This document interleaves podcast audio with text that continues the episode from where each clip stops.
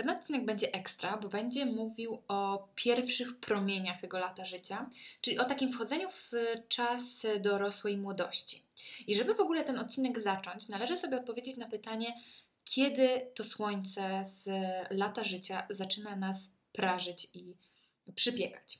I zasadniczo mówiąc o tym, że te, to jest czas między 20 a 30 rokiem życia, ja zawsze zostawiam sobie taką poprawkę, że w sumie każdy z nas w ten okres wchodzi kiedy indziej, a niestety niektórzy zostają w, le, w wiośnie życia do końca swoich dni, nie biorąc za nic odpowiedzialności. I zasadniczo większość z nas w ten okres wchodzi w sumie mając lat 19. Kończąc liceum, wtedy spada na nas y, najwięcej promieni, pierwszych promieni lata życia. Dlaczego w ogóle wtedy? No po pierwsze jest to taka granica pomiędzy czasem gówniarz i niegówniarz, a po drugie musimy y, pierwszy raz odpowiedzieć sobie na, odpowiedzieć sobie na kluczowe pytania. To właśnie w ostatniej klasie liceum podejmujemy decyzję, finalną decyzję, gdzie chcemy iść na studia. E, I pamiętam, że dla wielu z moich znajomych e, była to ogromna zagwostka. Ja akurat byłam w tej uprzywilejowanej pozycji, że od zawsze wiedziałam e, w sumie, co chciałabym robić, przynajmniej w jakimś tam zarysie. Ale większość osób, które znam, absolutnie nie miały pojęcia, dokąd chcą zmierzać. Po zakończeniu matury chcieli iść albo na imprezę, albo pooglądać sobie Netflixa i odwlekali tą sytuację mm, podjęcia finalnej decyzji tak długo, jak się to dało. Ja absolutnie nie wiem, kto w ogóle wymyślił, żeby dwudziestolatkowie, czy 18, czy 17 lat, 19-latkowie podejmowali tak e, poważne wybory, jak wybór studiów, czyli zasadniczo dążenie do tego, żeby wybrać to, co chcemy w życiu robić. Jak zazwyczaj, niestety, osoby w tym wieku nie wiedzą, co zjedzą na śniadanie, albo w ogóle go nie jedzą, a są stawiani przed wyborem mm, swojej przyszłości. Absurd. I generalnie nie twierdzę, że ten wybór studiów jest y, rzeczą, która zdefiniuje całe nasze życie, e, bo wiem, że akurat ten wybór można cofnąć i go zmienić.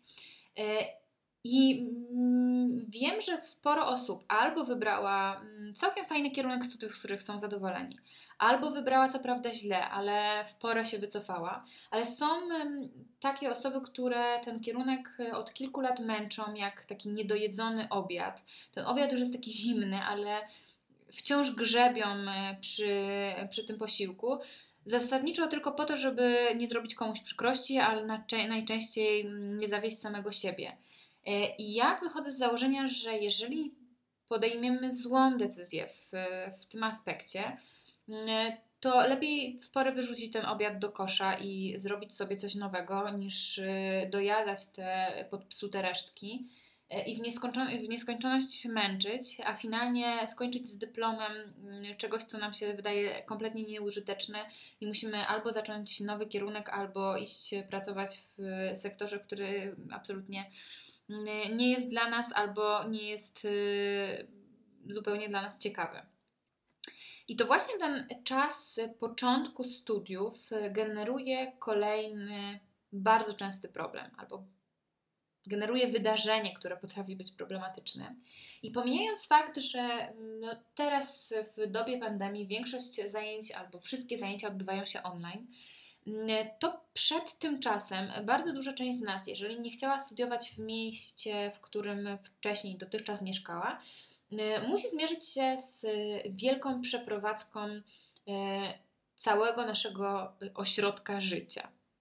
I wyprowadzka na samym początku wydaje się fantastycznym przeżyciem. Możemy planować, wybierać, przenosić się, a na samym końcu pozostaje jakieś takie, taka warstwa kurzu, tych e, rzeczy, które już zabraliśmy e, z domu e, i musimy w końcu to jeszcze odkurzyć.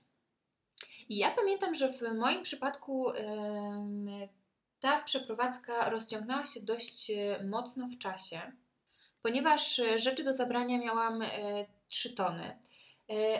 Dlaczego? Po pierwsze, mm, dlatego, że należę do tej grupy osób, które wyprowadzały się całkowicie, czyli przenosiły zupełnie wszystkie rzeczy mm, do nowego miejsca e, i rodziny odwiedzały w formie właśnie wizyt. Natomiast drugą e, podgrupą osób są osoby, które wyprowadzają się tak szczątkowo i to w zasadzie odwiedzają to nowe miejsce zamieszkania, e, a mieszkają na stałe nadal z, z rodziną.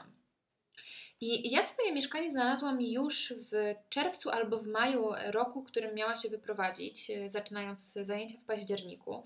Jako, że mm, udało mi się zdobyć tytuł w olimpiadzie, wiedziałam, że na studia się dostanę. Więc to, to, to poszukiwanie mieszkania zaczęłam bardzo wcześnie.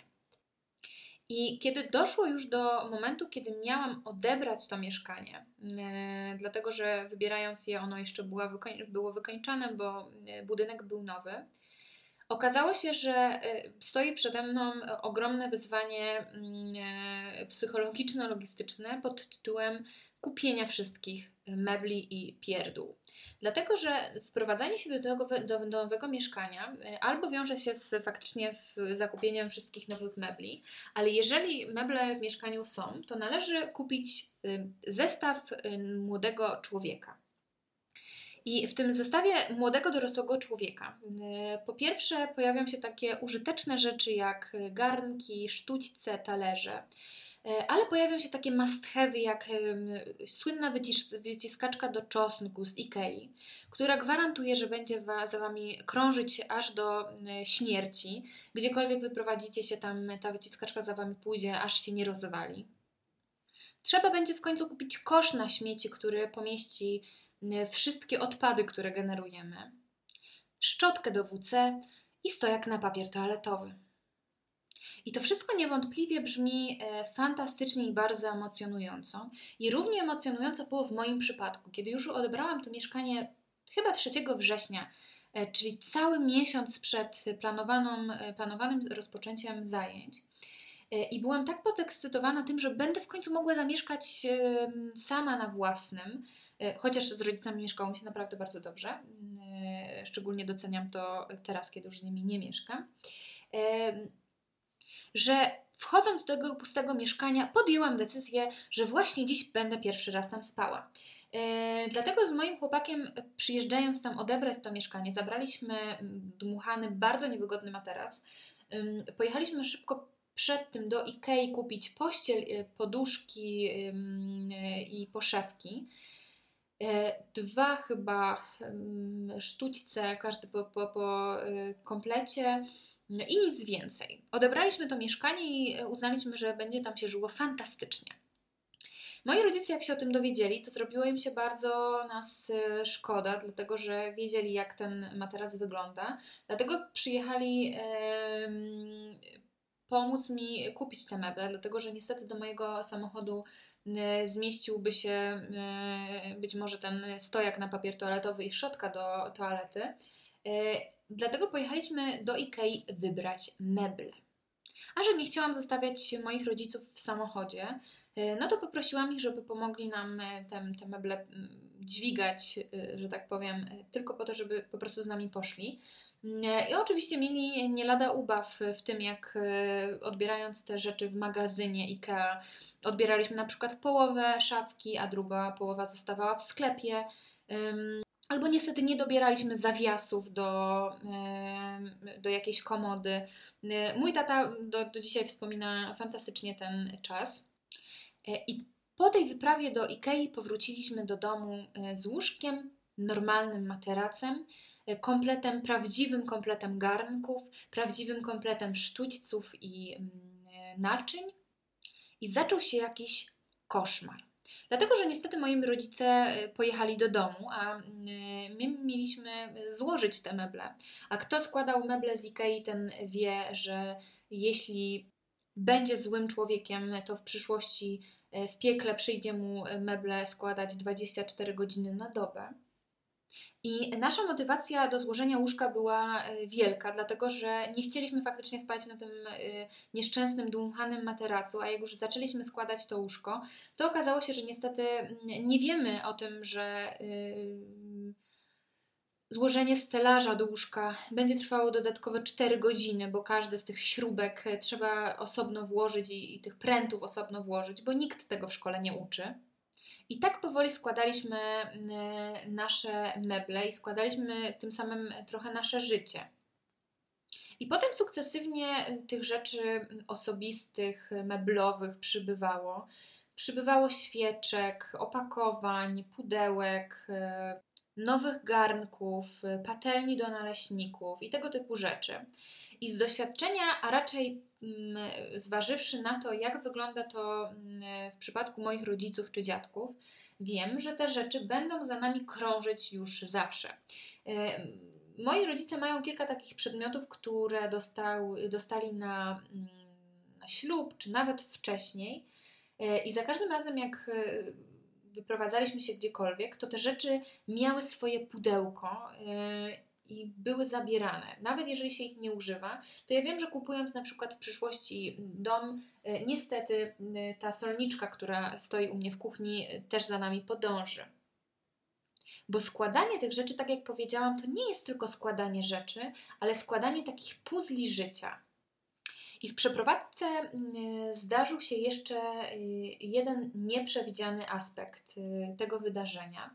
Ja byłam niestety przyzwyczajona do e, życia w domu, gdzie miałam możliwość ulokowania swoich rzeczy w kilku pomieszczeniach. Moja szafa w pokoju była całkiem obszerna i mieściło się w niej naprawdę dużo ubrań.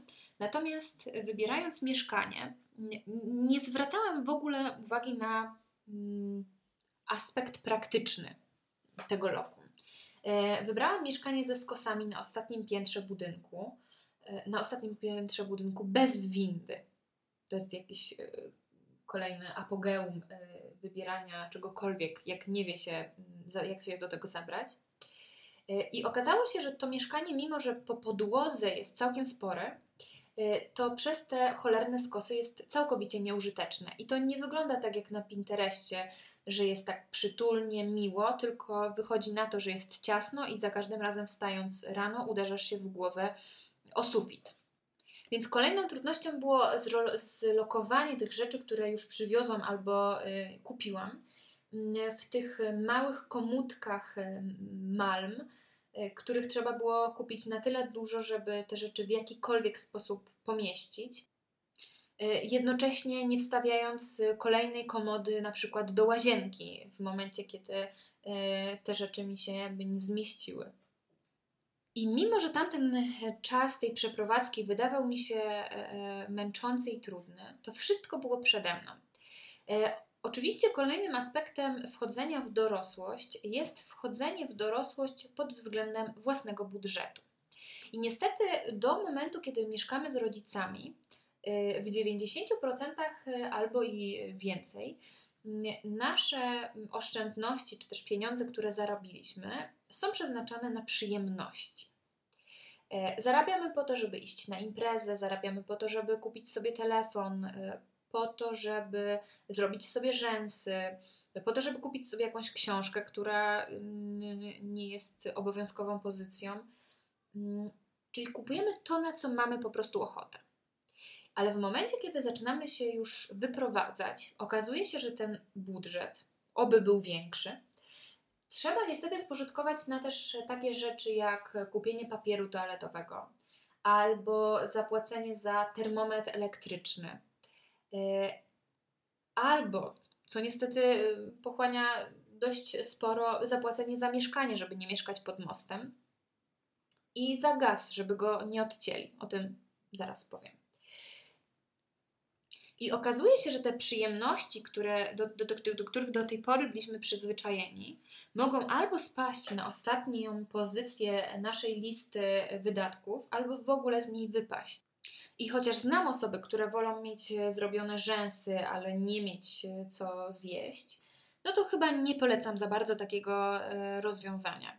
I tutaj poruszyłam znowu kolejny aspekt tego e, budżetowego życia, jakim jest e, kwestia budżetu spożywczego albo takich codziennych zakupów. I codziennych zakupów e, nie w rozumieniu ich naprawdę codziennych, bo tego absolutnie nie polecam i sama popełniałam ten błąd, chodząc to trzy dni do, do sklepu na samym początku i kupując milion rzeczy, których absolutnie nie potrzebuję, łącznie z silikonową szczotką do zamiatania podłóg. To kiedy nauczymy się już stosunkowo robić te zakupy, Y, musimy zwrócić na to uwagę, żeby one były w miarę zbilansowane, żeby nie jeść codziennie y, makaronu z dżemem, y, albo mrożonych zapiekanek, żeby odpowiadały naszemu budżetowi, bo jeśli będziemy jeść dzień w dzień krewetki albo mule, a nie będzie nas na to stać, no to skończymy bogato pod mostem. No i oczywiście, jeżeli mieszkamy z osobą y, trzecią, albo z partnerem, albo z przyjaciółką, y, i mamy zamiar rozliczać się razem, żeby te zakupy były o tyle przemyślane, aby każdy z nich y, mógł coś zjeść, a nie było tak, że mięsożerca kupuje 3 kilo karkówki i dwa pomidory i nic więcej. I duża część studentów, czy w ogóle osób zaczynających to dorosłe życie, na szczęście wspomagana jest przez rodzinę, ale mm, bardzo często pojawia się taki wewnętrzny, moralny poczucie obowiązku, mm, żeby jednak zacząć jakąś pracę, żeby mm, spróbować chociaż zacząć utrzymywać się samodzielnie. I z tą pracą pojawia się kolejny problem, bo dostać ją to jest jedna rzecz i uważam, że jest banalnie prosta. Trudniej jest ją utrzymać bo w byciu dorosłym mm, jest jedna wspaniała, ale niebezpieczna rzecz. Możemy robić cokolwiek chcemy. Żadna mama nie stoi nam e, nad głową i nie mówi, co mamy robić, więc możemy cały dzień przeleżeć na kanapie, nie wstać e, i wychodzić tylko do lodówki, o ile w niej jeszcze w ogóle coś jest. Albo możemy jednak postarać się, żeby tej pracy nie stracić. I tu wchodzimy w kolejny aspekt zarządzania, ale już nie zarządzania budżetem, a naszym czasem. Bo tak jak powiedziałam, w momencie, kiedy nikt nie stoi nam nad głową i nie mówi, e, w jaki sposób mamy to życie prowadzić, to na każdym kroku staje przed nami jakaś pokusa nierobienia nic, albo robienia rzeczy mało przydatnych, albo nawet jeżeli przydatnych, to niestety mm, niedostarczających nam tego, czego akurat potrzebujemy, a w przypadku młodych ludzi jest to zazwyczaj pieniądz. I czymś innym jest oczywiście dla mnie e, taka sytuacja, kiedy ktoś nie chce wstawać rano, ponieważ jest chory albo ma jakiś wewnętrzny problem, ale muszę przyznać się do tego, że niestety mną też czasem targają demony Netflixa i chciałabym spędzić cały dzień e, nic nie robiąc, tylko oglądając serial, a wiem, że to nie służy. A nie ma już w naszym mieszkaniu mamy, która zapyta: Lekcję odrobiłeś? A i co jadłeś na śniadanie? Posprzątaj w swoim pokoju, bo już bałagan. No już nie ma. Ten bałagan będzie się piętrzył i piętrzył, aż nie będzie widać okna. Bo samemu trzeba wygospodarować tą godzinę w tygodniu, żeby posprzątać, umyć okno i wymienić pościel. No ilu studentów zmienia pościel co tydzień? I analizując te wszystkie nowości w życiu, e, kiedy, które się pojawiają, kiedy się wchodzi w to lato życia, Chciałam zapytać moich znajomych, jakie trudności spotkali oni, wchodząc w, w ten e, piekielny czas. Jedna z moich koleżanek poruszyła bardzo istotną w sumie kwestię, dlatego że powiedziała o, o tym, że wciąż nie przerobiła tego, że jest konieczność podejmowania nie decyzji jako takich w ogóle, tylko podejmowania decyzji takich wiążących, z których po pierwsze nie da się uciec od samego siebie, a po drugie nie da się uciec przed całym światem. No bo jeśli już weźmiemy y, to mieszkanie w najem i nie będziemy płacić y, za czynsz, to to już nie będzie obciążać naszych rodziców, tylko nas osobiście. Jeżeli weźmiemy laptopa na raty, bo jest nam potrzebny do wykonywania naszej pracy, i przestaniemy za niego płacić, to kto poniesie konsekwencje? No my. Jak nie będziemy płacić za gaz, to co się stanie? No odetną, sama to wiem. Nie było, że się w systemie nie pojawiło, że był jakiś błąd, no bo był, ale trzeba było to samemu wy, wyjaśnić. A ja oczywiście, zamiast wyjaśnić to sama, kiedy przyszli odciąć ten gaz, bo nie wiedziałam, co się dzieje, bo żadnych zaległości nie było, Zamiast porozmawiać z dostawcą gazu, co zrobiłam? No, zadzwoniłam do mamy. Inna moja koleżanka zwróciła uwagę na taki e, problem, który faktycznie wzbudził we mnie mnóstwo przemyśleń, a to dlatego, że obecnie e, ani wcześniej nie dotknął mnie osobiście. E, ona wyprowadzając się na studia, wyprowadzała się sama, bez przyjaciół, bez rodziny, zupełnie sama do miasta oddalonego o y, wiele mm, setek kilometrów. I oprócz tych obaw, które były związane po prostu z dorosłym życiem, doszła ogromna doza samotności.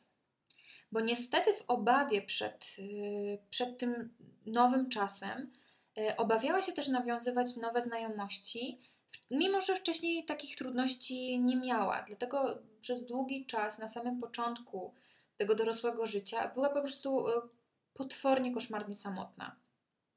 Jednak uważam, że w tym gonieniu za, za dorosłością powinniśmy oprócz czasu dla siebie, tak osobiście, znaleźć też czas dla innych, bo wiem, że dużo łatwiej jest przechodzić przez y, ten trudny czas z kimś.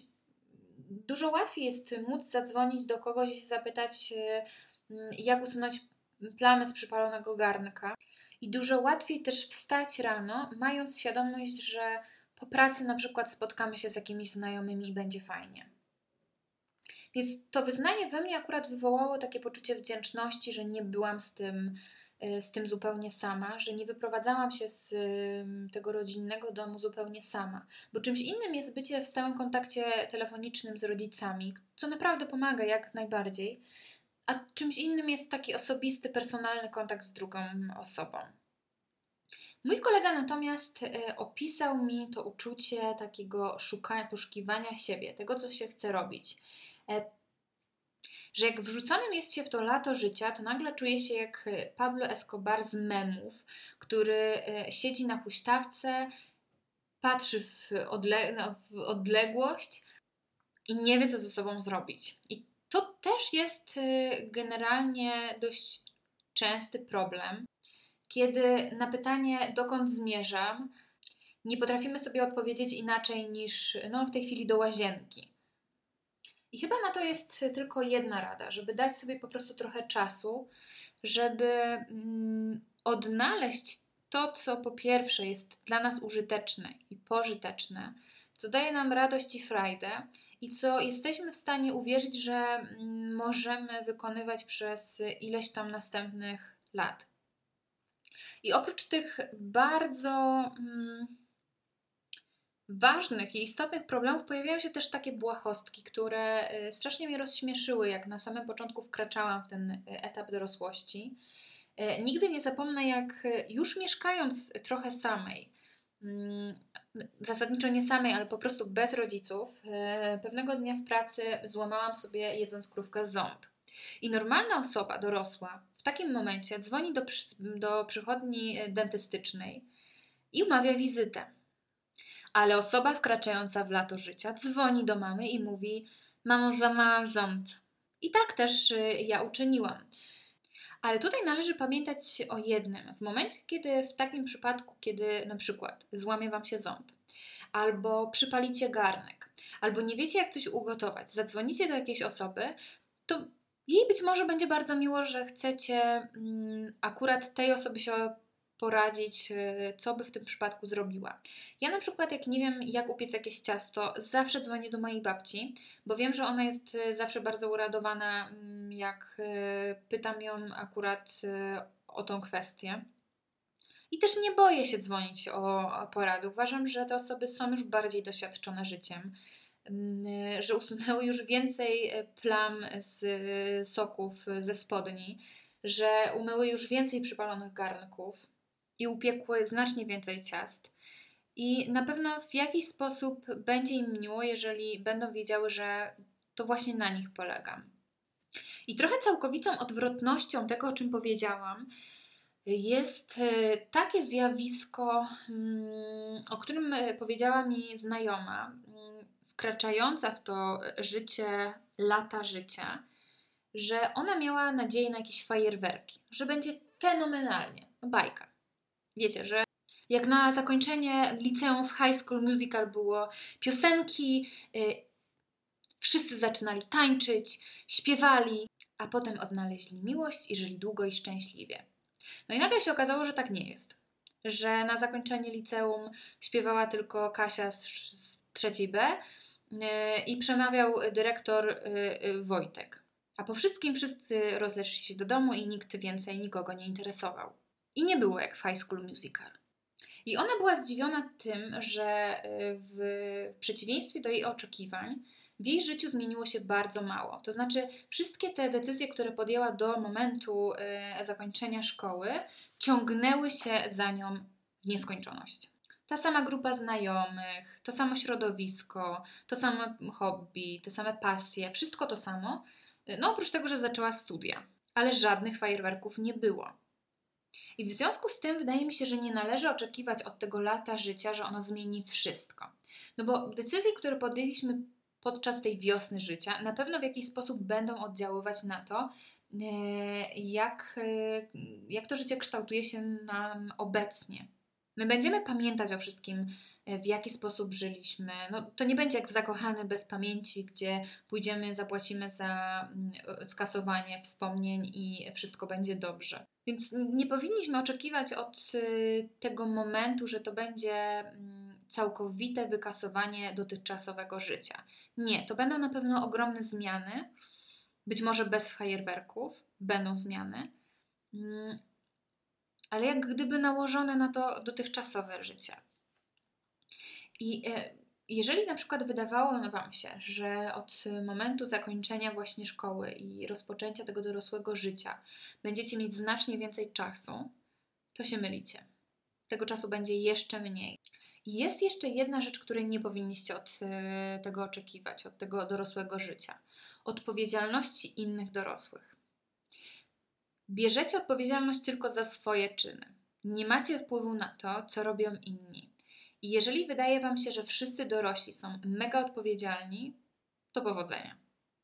I nie mówię o innych młodych dorosłych, ja mówię o dorosłych w ogóle, bo Tutaj mam wrażenie, że niestety wiek y, mało co zmienia. Oczywiście są osoby, które z czasem dojrzewają do pewnych ról, ale są osoby, które tego nigdy nie robią. I o tyle, o ile jesteśmy w stanie na przykład zrozumieć y, to, że do pewnego momentu dorosłym jako tako należy um, ufać, wierzyć, albo że jesteśmy nauczeni, że należy na nich polegać, tak y, w dorosłym życiu ograniczyłam bym to jeszcze bardziej. Ja pamiętam, jak byłam mała i jeździłam e, w góry na taki wyciąg e, krzesełkowy, taki bardzo stary wyciąg krzesełkowy. To jak byłam mała i wsiadałam na ten, na ten wyciąg krzesełkowy, to ten pan, który kierował tym wyciągiem, jak już wsiadłam na to krzesełko, to zamykał mi tą poręcz, żebym nie wypadła. Ale w pewnym momencie, jak już byłam na tyle duża, że zobaczył, że pewnie sama sobie poradzę, to tego nie zrobił. Ja byłam oburzona, dlaczego on tego nie zrobił. Przecież ja mogłabym wypaść przez cały ten czas jazdy, mogłam wypaść z tego cholernego krzesełka. No i tutaj pojawiła mi się taka doza prawdy życiowej, że jak już jesteście dorośli, to nikt wam tego krzesełka nie zamknie. Nikt. Albo zamkniecie to krzesełko sami, albo wylądujecie plackiem pod tym wyciągiem. I nie chcę przedstawiać tego czasu jako czasu złego, bo ten czas jest naprawdę fenomenalny, daje nam mnóstwo możliwości i na pewno fajnie jest go dobrze wykorzystać. E, ale z takich największych plusów tego, co ja zauważyłam przez te kilka lat, mając 20 parę, mm, zauważyłam to, że w momencie, kiedy zaczynamy żyć tą młodą dorosłością albo dorosłą młodością bardziej, e, nikt już nami nie kieruje, mamy okazję, żeby przekonać się, kim tak naprawdę jesteśmy. Kiedy nam nikt nie dyktuje naszych kolejnych kroków. Mm, I ja nam wszystkim życzę tego, żeby po pierwsze te doświadczenia, które nam na naszej drodze się pojawiają, nie okazywały się jak te samochody, które wjeżdżają w kałuże i oblewają wszystkich dookoła, tylko żebyśmy mogli y, wynieść z nich jakąś naukę. A po drugie, życzę nam wszystkim tego, żeby ta osoba, którą odkryjemy i zweryfikujemy w tym czasie mm, dorosłej młodości, okazała się osobą, z którą moglibyśmy się kumplować. Żebyśmy po prostu nie byli zawiedzeni. Bo to lato życia na pewno pozwala w znacznym stopniu poznać samego siebie. A ja mam na imię Barbara, mam 22 lata i też jestem w lecie życia.